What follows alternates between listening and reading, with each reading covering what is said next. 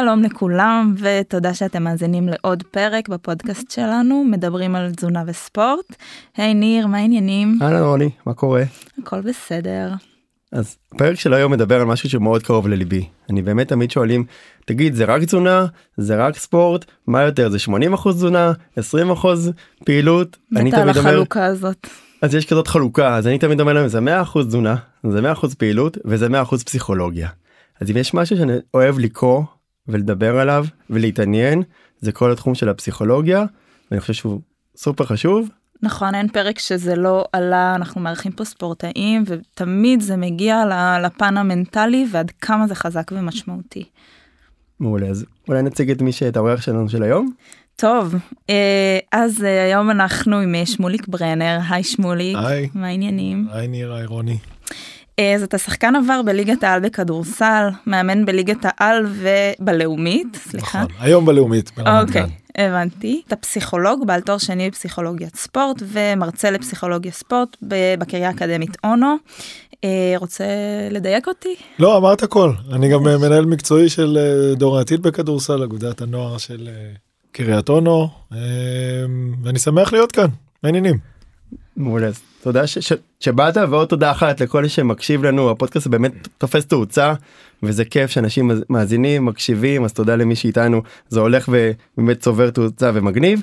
בא לי לספר לך לספר לך ככה סיפור מעניין אה, אני כמובן כמו שאנשים ככה יודעים כבר נראה לי אה, שחיתי הרבה שנים בקבוצה מאוד תחרותית והיו לנו הרבה ספורטאים בקבוצה שהיו ממש טובים אה, באימונים מגיעים לרגע האמת והם פחות טובים. ואני רוצה לדבר על מקרה ספציפי אחד שבאמת חבר טוב שהוא היה שחיין טוב אבל תמיד שהוא הגיע לתחרויות לא הצליח. והשינוי הגדול קרה באמת שהוא הגיע לפסיכולוג ספורט ופתאום מדליה באליפות ישראל שהגנטיקה לא השתנתה ההורים לא השתנו המאמן השתנה. אבל כנראה שהשינוי היותר גדול היה אצל השחיין ובגבולות שהוא uh, תיאר לעצמו וביכולת שלו להעתיק את הכישורים מהאימון אל המשחק.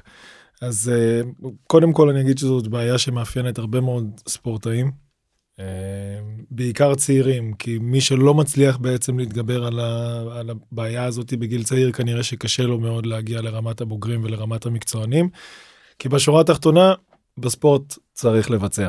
Uh, יש תוצאה על הלוח, ואנחנו רוצים שהיא תהיה תוצאה טובה. בעצם חשוב גם להתחיל בגיל הצעיר כי יש איזה תפיסה כי עד שאתה לא מגיע להיות תחרותי הישגי כזה אז חכה עם זה.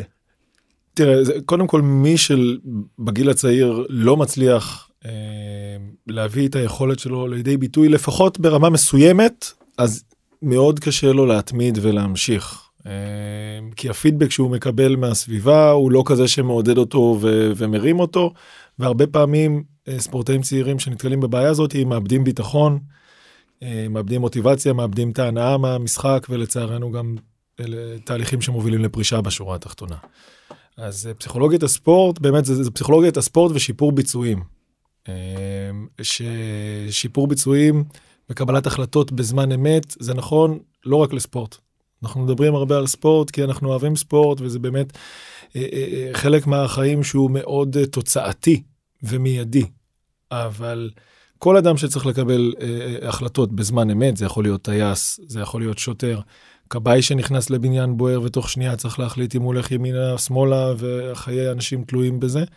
אה, מאוד מאוד תלויים ביכולת שלהם לווסת לחץ, לרכז את הדעת על מה שרלוונטי וחשוב, ולקבל החלטה טובה וללכת איתה, כמו שאומרים, ב full strength, במקסימום כוח, בלי היסוס. והדברים האלה דורשים תרגול. יש כאלה שזה בא להם מאוד מאוד טבעי, יש כאלה שצריכים עזרה, כמו הדוגמה שאתה נתת של השחיין. כן, כי מה שאותנו מעניין, אני חושב רוני, זה הסיפור הזה שהגנטיקה פה לא השתנתה. זאת אומרת, מה שאמרת, הוא צריך דיוק, הוא צריך הכוונה, הוא צריך להבין, כי שאר הגורמים לא באמת השתנו. נכון, נכון. בעצם אתה מתאר כאן מקרה... האם זה מולד?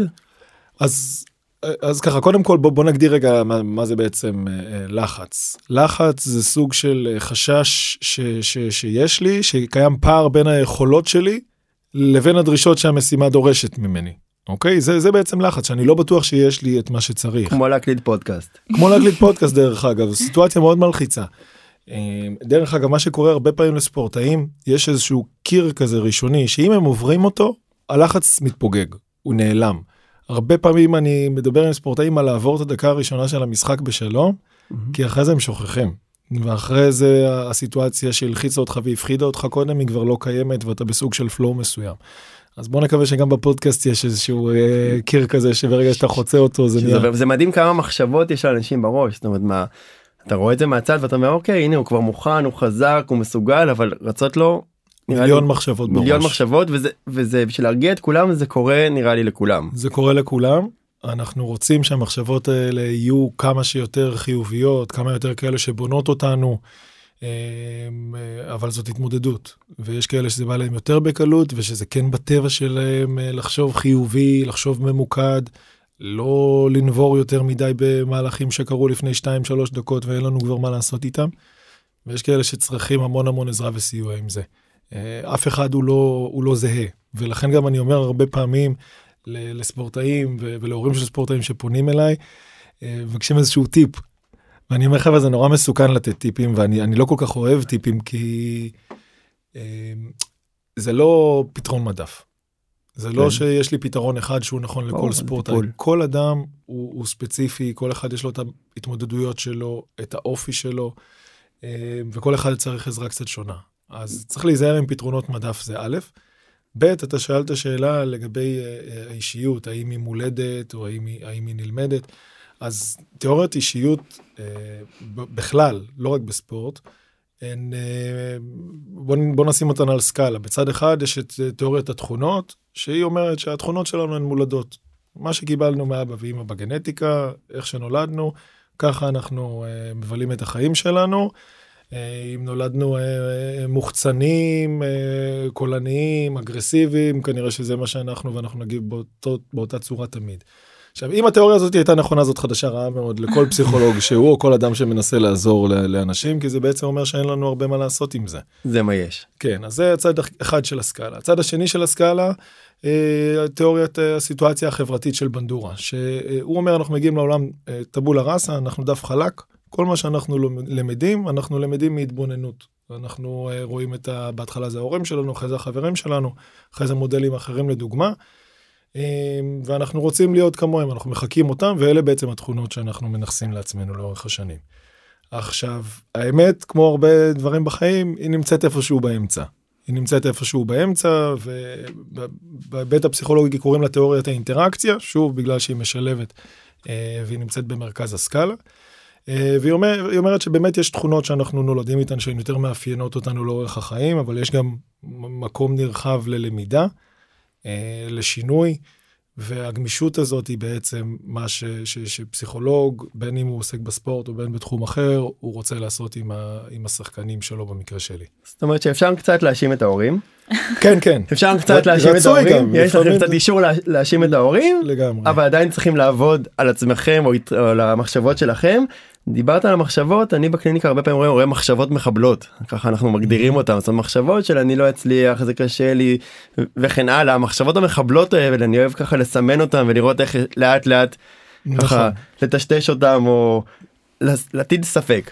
קודם כל נכון, יש את המחשבות האלה, ואני אני כן אגיד בחיוך שאני אני מדבר המון עם ספורטאים על להבין מה בשליטתי ומה לא בשליטתי ולהשתדל לשחרר. אז קודם כל האשמנו את ההורים, אמרנו שהם אשמים, בוא ניתן להם 20 אחוז, עכשיו בוא נתרכז בשאר הדברים, במה אנחנו כן יכולים ל- לשנות ולשפר.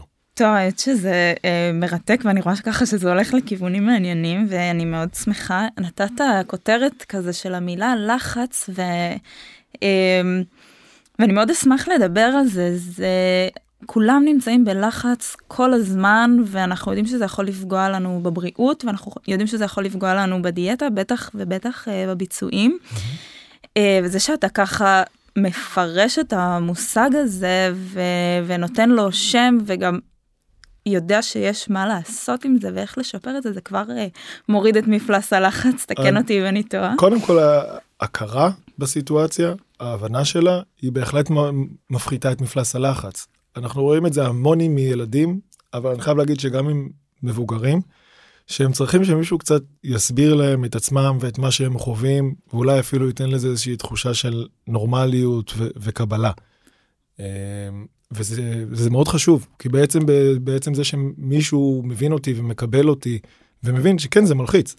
אז, אז בסיטואציה שלי זה יותר עם ספורטאים, אני צריך לבעוט פנדל אה, דקה 90, אני, אני מת מפחד. קודם כל להבין, כן, זאת סיטואציה שזה טבעי, שתרגיש קצת יותר בלחץ, שהדופק יעלה, שתזיע קצת יותר.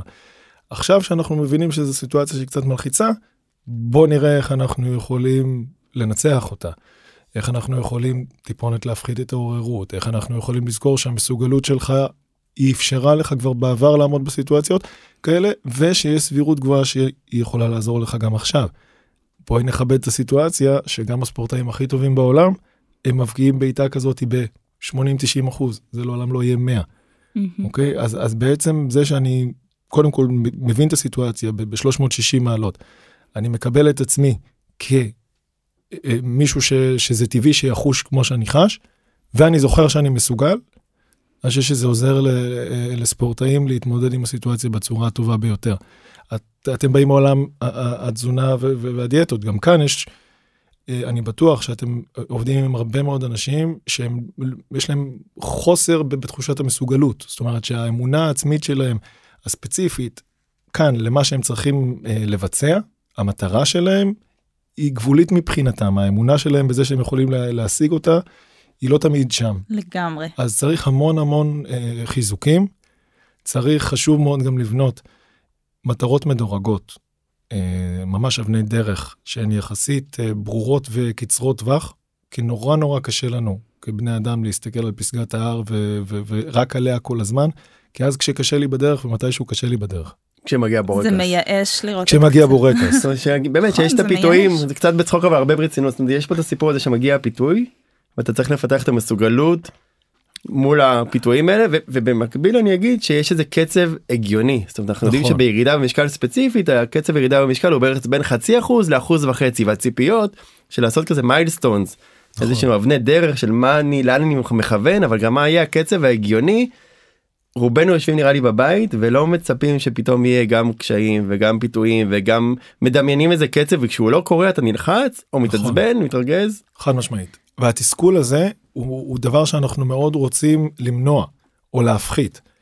וכאן גם יש שאלה מאוד משמעותית, ואתם תגידו לי יותר טוב, כשאני נכנע לפיתוי, וזה קורה, איך אני מדבר אל עצמי?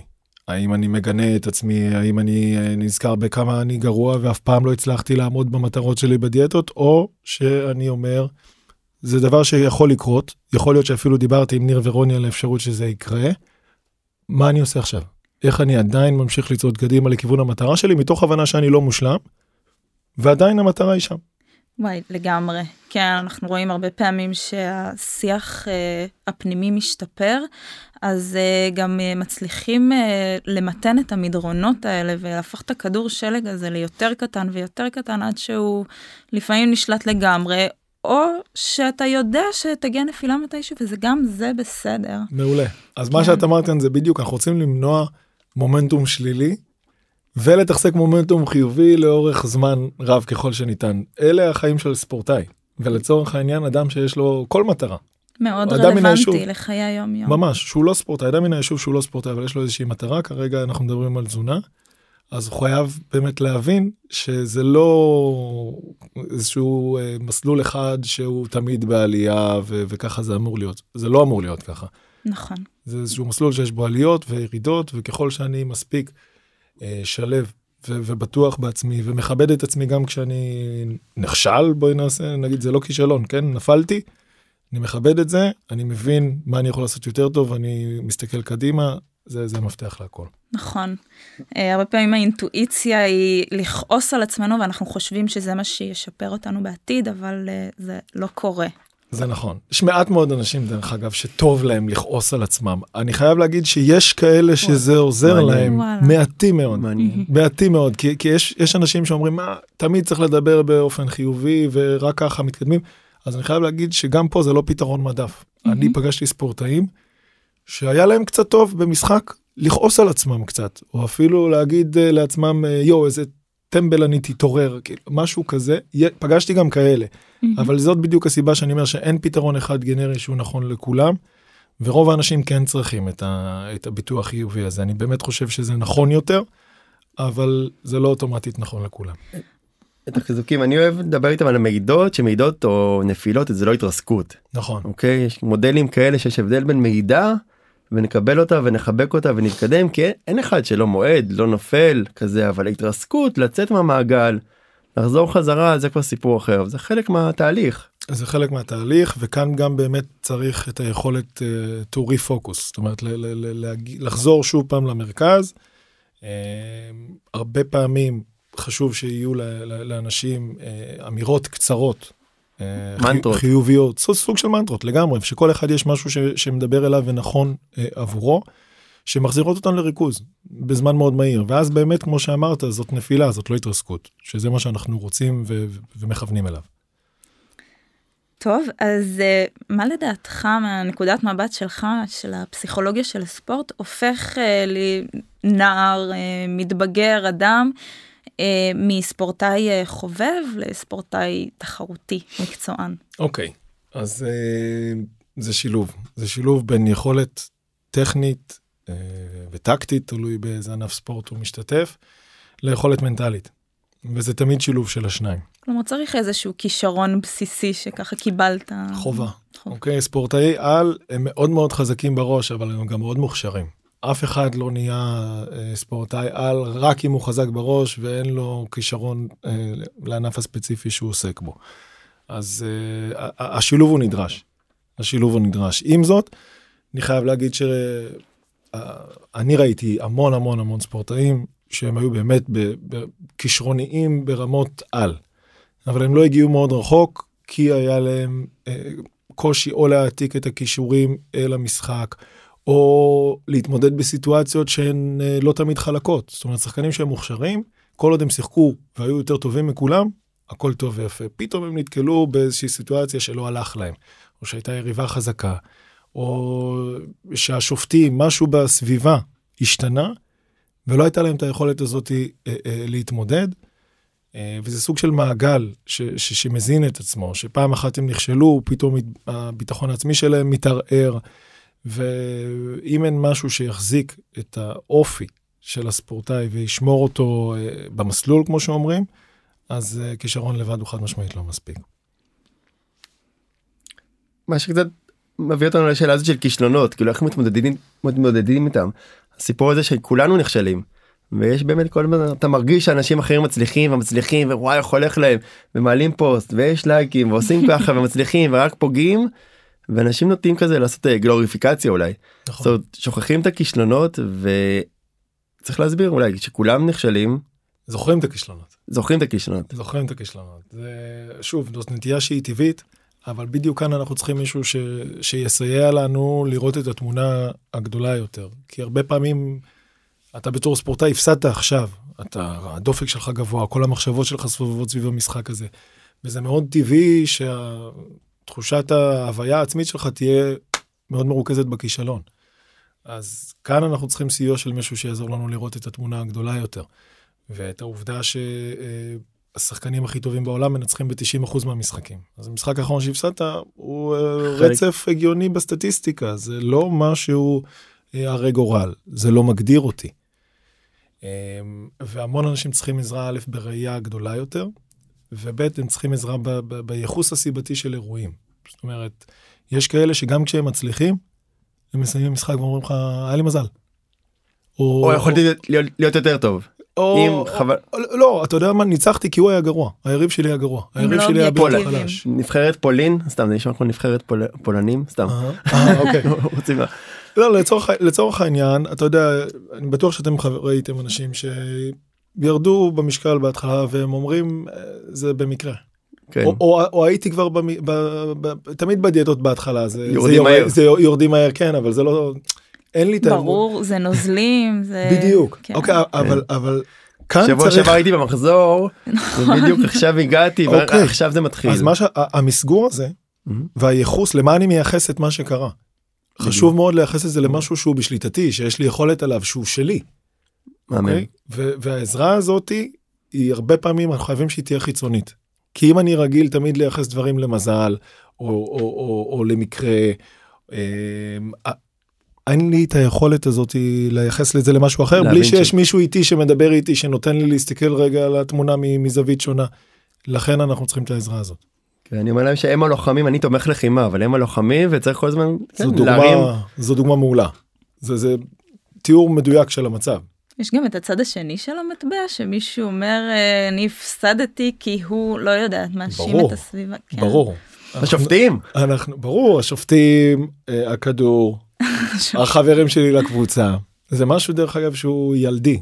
זה- אנחנו רואים את זה המון אצל ילדים. Mm. וגם את זה אנחנו לא רוצים לבטל. כי זה סוג של מנגנון הגנה של הילד שבאותו רגע הוא הפסיד ונורא כואב לו ומבחינת המסוגלות שלו הוא צריך שהסיבה להפסד לא תהיה הוא. אז uh, אנחנו אנחנו רוצים לכבד את זה אבל גם כן uh, בין אם זה בשאלות או בדוגמה אישית שאנחנו נותנים משלנו טיפונת גם לתת איזושהי תפיסה אחרת של האירוע שיכול להיות שזה לא רק האחרים יכול להיות שגם אני הייתי יכול לעשות משהו יותר טוב. אמ, ושוב ההבנה של מה שבשליטתי ומה שלא בשליטתי היא סופר חשובה בכל גיל. אותי לימדו קצת בפסיכולוגיה של ספורט לפחות שיש תמיד, תמיד מכל אירוע יש קח שניים או אפילו שלושה דברים טובים ושניים שלושה דברים שהם לא טובים לא יכול להיות שזה שחור ולבן אוקיי. הכל היה גרוע זאת אומרת נכון לא שחית טוב או לא פגעת במשחק אבל הכל היה גרוע זאת אומרת מהרגע שיצאת מהבית עד זה הכל קטסטרופה והאיזון הזה הוא קצת אומר רגע אוקיי היו דברים טובים היו דברים לשפר היו דברים שצריך וזאת שאלה זאת שאלה זו דוגמה מעולה שאפשר גם להיעזר בה בתחום של התזונה. אוקיי? אני בטוח שאתם עובדים עם הרבה מאוד אנשים שזאת לא פעם ראשונה שהם מנסים. אז אתם יכולים לשאול אותם על תהליכים קודמים שנכשלו בגדול, אוקיי? בגדול זה לא הצליח, אבל האם היה שם גם משהו כן טוב? האם היה שם משהו שלמדתם על עצמכם, שאולי אנחנו יכולים להיעזר בו עכשיו בניסיון החדש שלנו? אז אלה שאלות שהן מאוד חשובות, כי באמת, כמו שאמרת, יש נטייה מאוד אנושית לראות דברים כשחור או לבן. בטח אם הפסדתי, אוקיי, לא הצלחתי בדיאטה הקודמת שלי.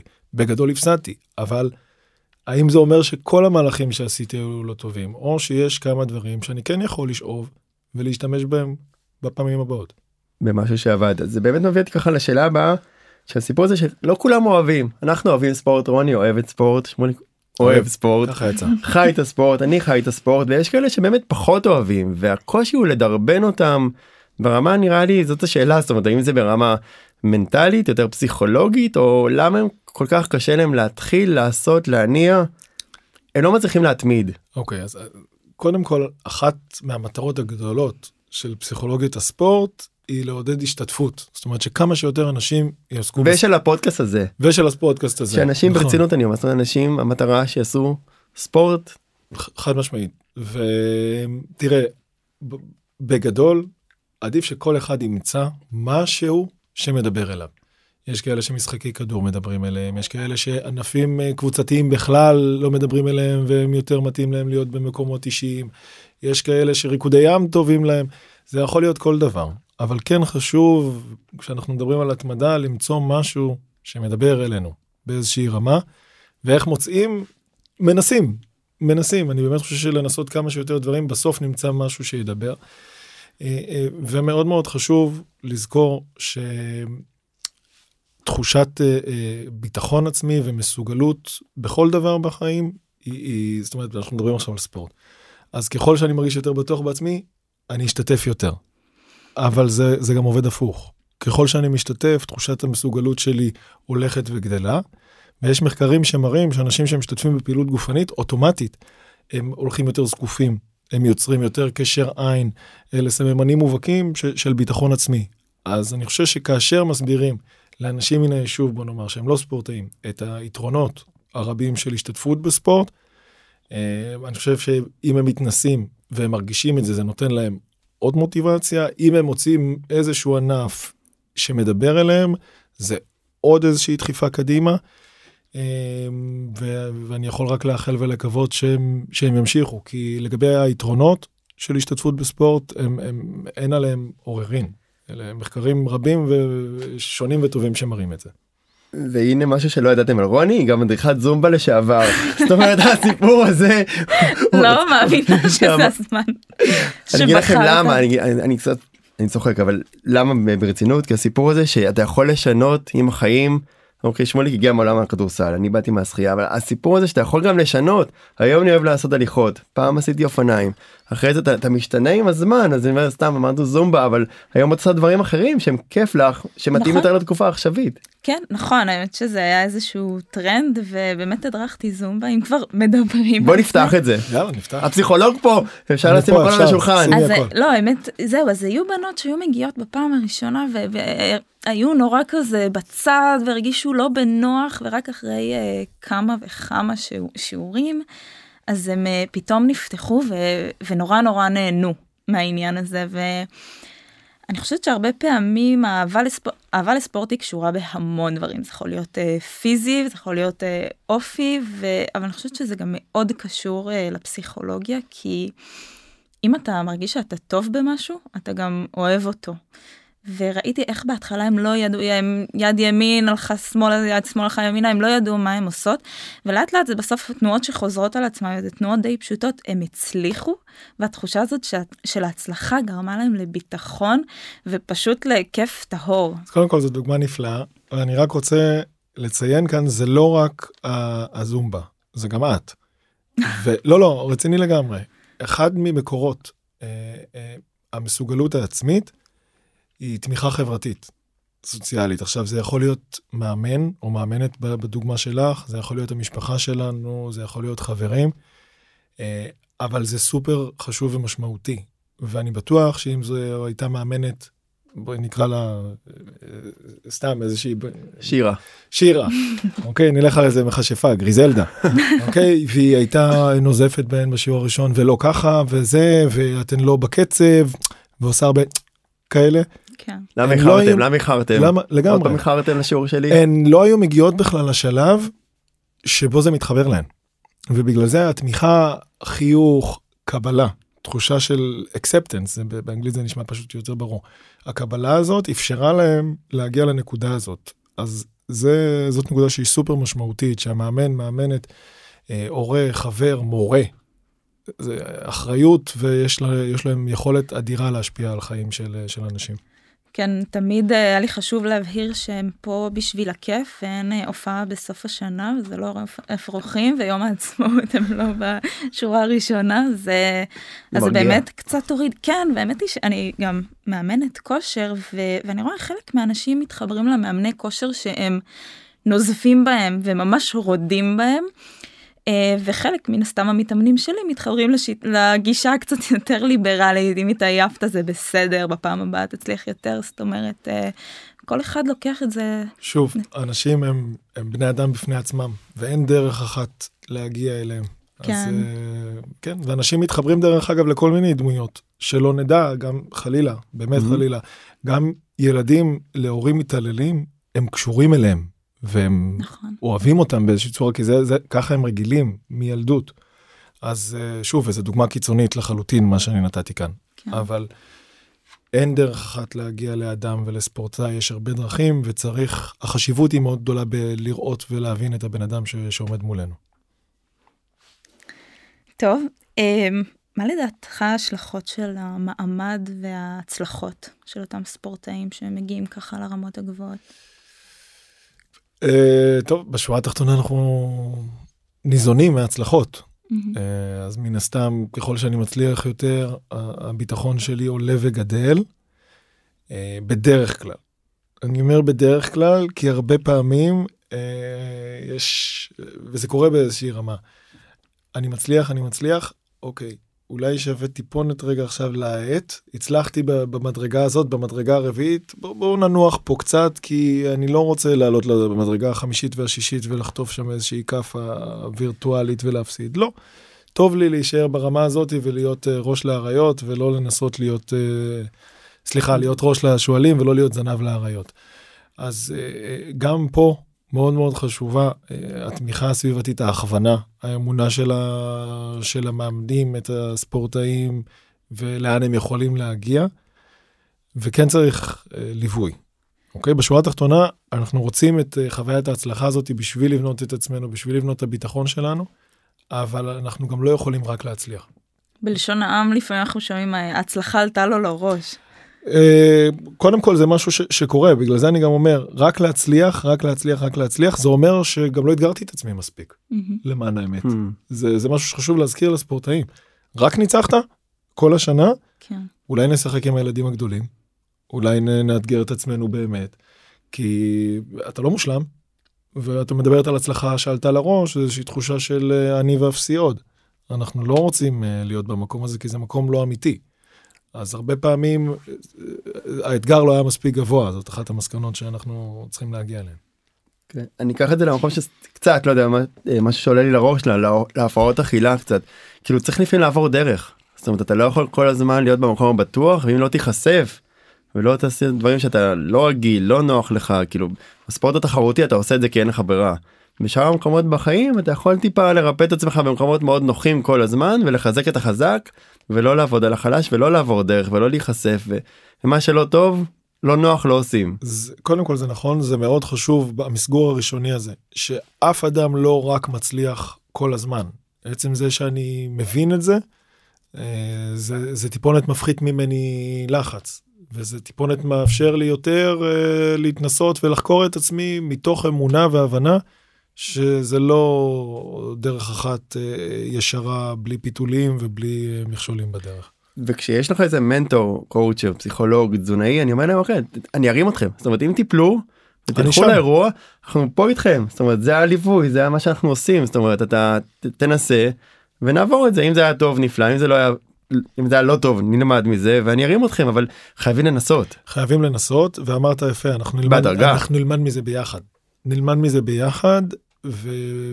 ושוב הדבר העיקרי אנחנו לא רוצים שאנשים יישברו מזה שהם לא הצליחו לכן אני אומר המסגור הראשוני הזה. אה, אולי ה setting הטיפולי מבחינתי כי לפעמים הם נופלים והם fade away הם נעלמים.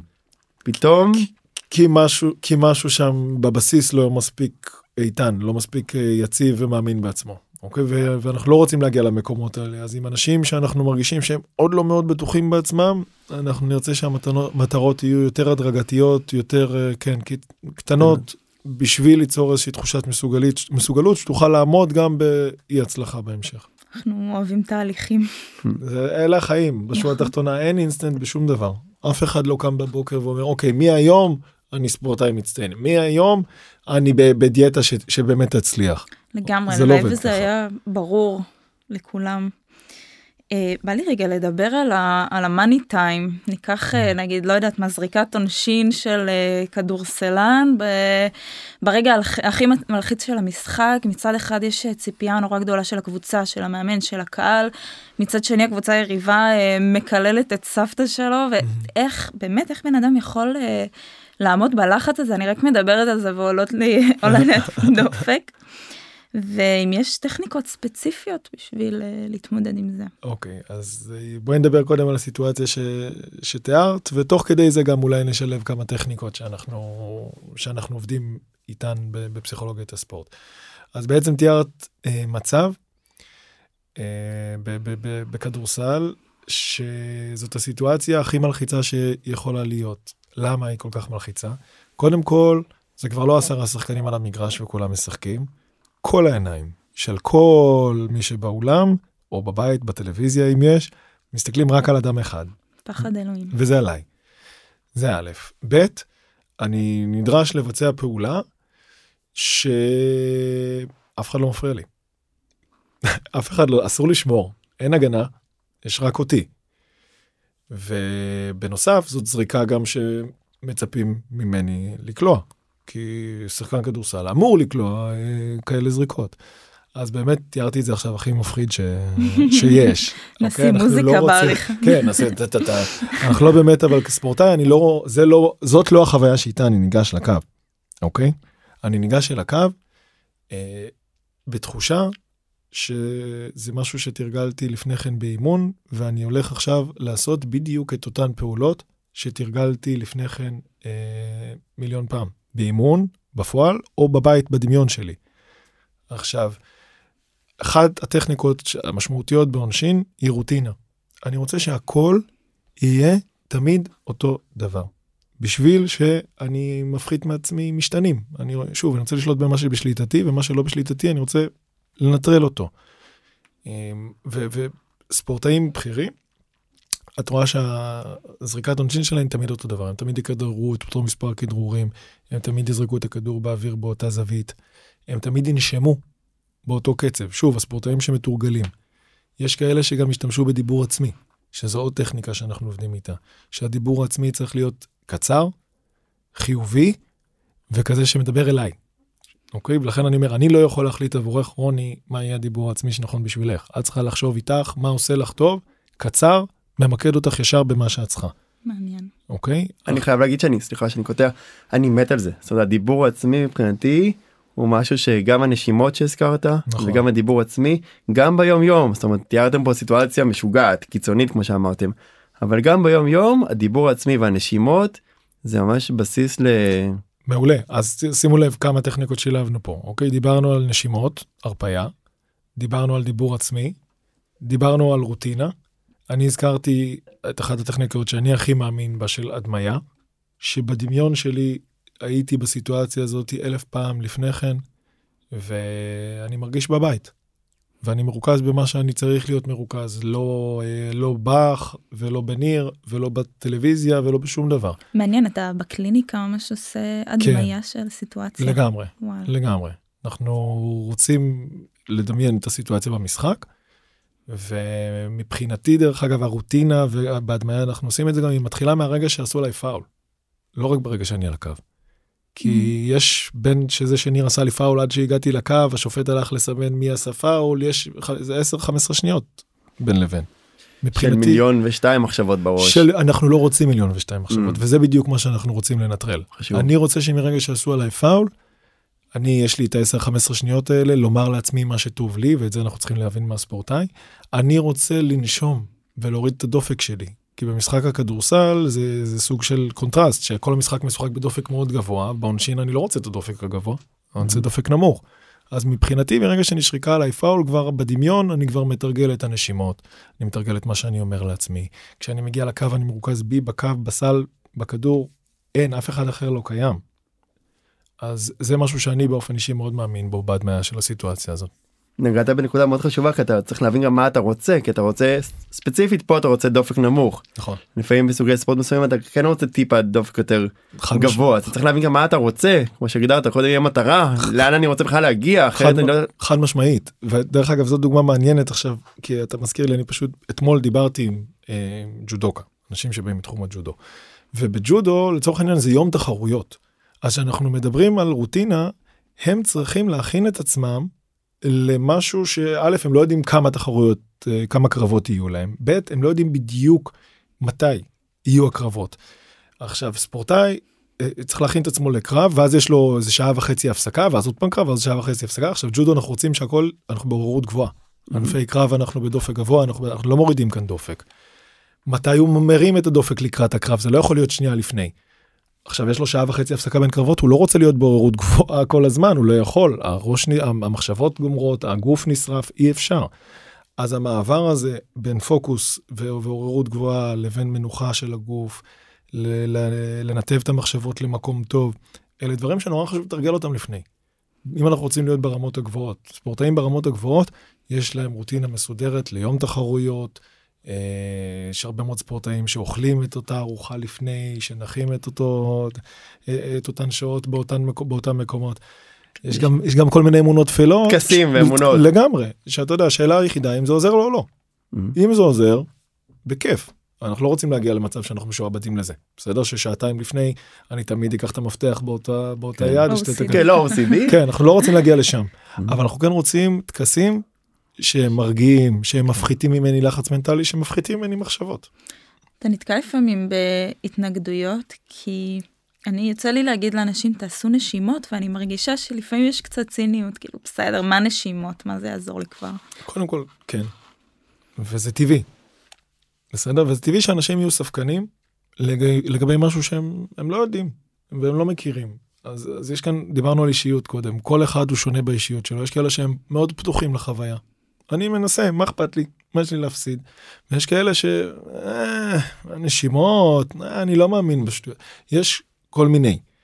ובאמת האתגר הכי גדול הוא למצוא את הדרך אה, לכל אדם ואני עוד לא נתקלתי במישהו שלאורך זמן התנגד, אה, כאילו אי אפשר, ש, ש, שהוא לא טיפונת התרכך והיה מוכן לבחון, אבל אם יש כזאת סיטואציה אז אפשר למצוא, צריך לנסות למצוא טכניקה אחרת שכן תדבר אליו.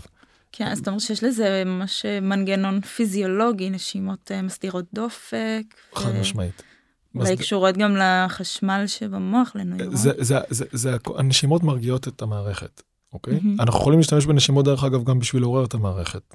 אם דיברנו קודם על הג'ודוקה שצריך להתכונן לקרב, אז דווקא להשתמש בנשימות בשביל להאיץ קצת דופק, אה, אה, להזרים את הדם, טיפונת להזיע יותר, זה גם אפשרי. אבל רוב הזמן אנחנו נעזרים בנשימות בשביל uh, להפחית עוררות, לרכז את עצמנו, uh, שוב, לשלוט במה שאנחנו יכולים לשלוט.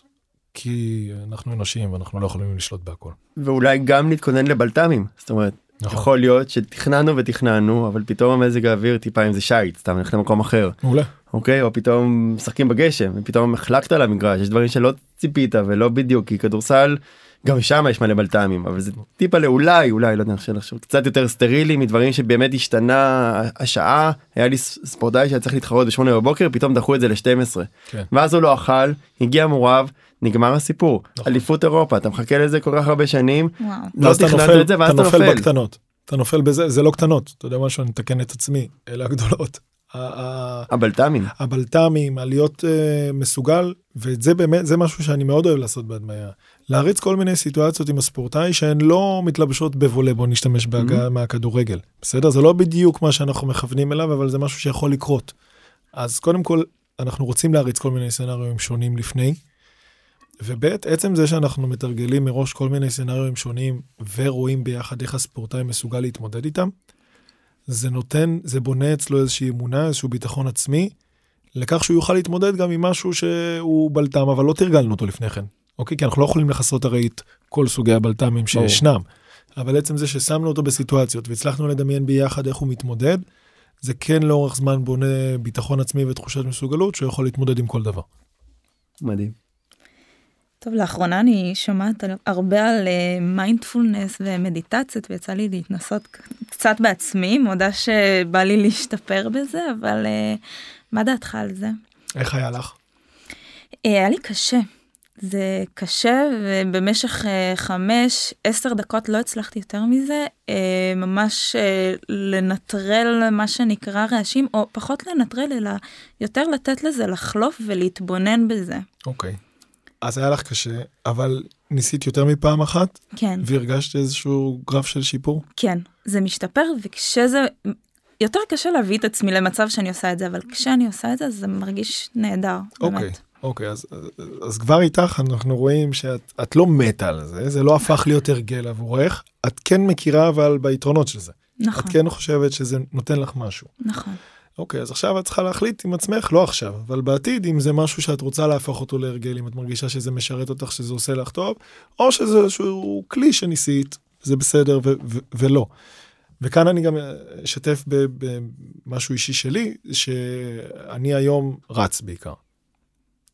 ובשנתיים האחרונות, אחרי שעשיתי אה, איזשהו אה, ליווי של אחד על אחד, אה, קצת מדריך זן, אני רץ בלי אוזניות.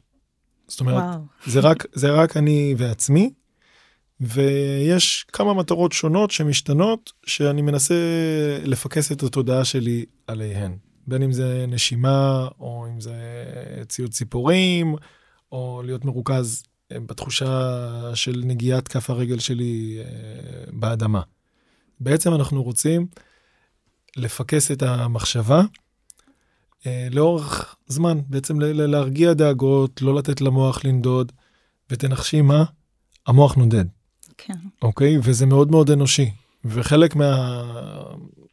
ממה שזה נתן לי זה קודם כל העובדה ש... שזה בסדר. זאת אומרת, לא, אני לא מגנה את עצמי כשהמחשבה שלי נודדת. וגיליתי שכשאני לא מגנה את עצמי, אז זה קורה לעיתים פחות תכופות.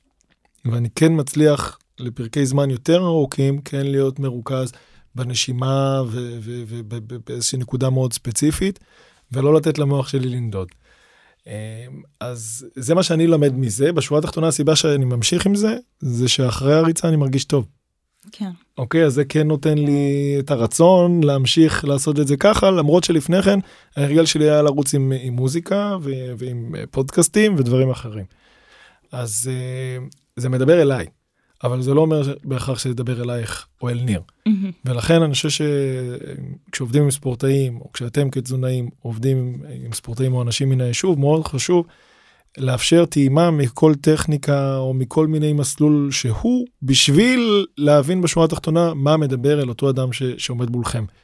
כי, כי כמו שאמרתי בתחילת הפודקאסט, כל אדם ש, שמחפש פתרון מדף, זה מבחינתי זה, זה לא אחראי אפילו. נכון. ברמה הזאת, כי אנשים מאוד אינדיבידואליים, ופסיכולוג טוב או תזונאי טוב מוצא את השביל הנכון לאותו, לאותו אדם שעומד מולו. נכון, וגם הבן אדם מצליח להכיר את עצמו, ואני חושבת שזה אה, מאוד מעצים. מאוד.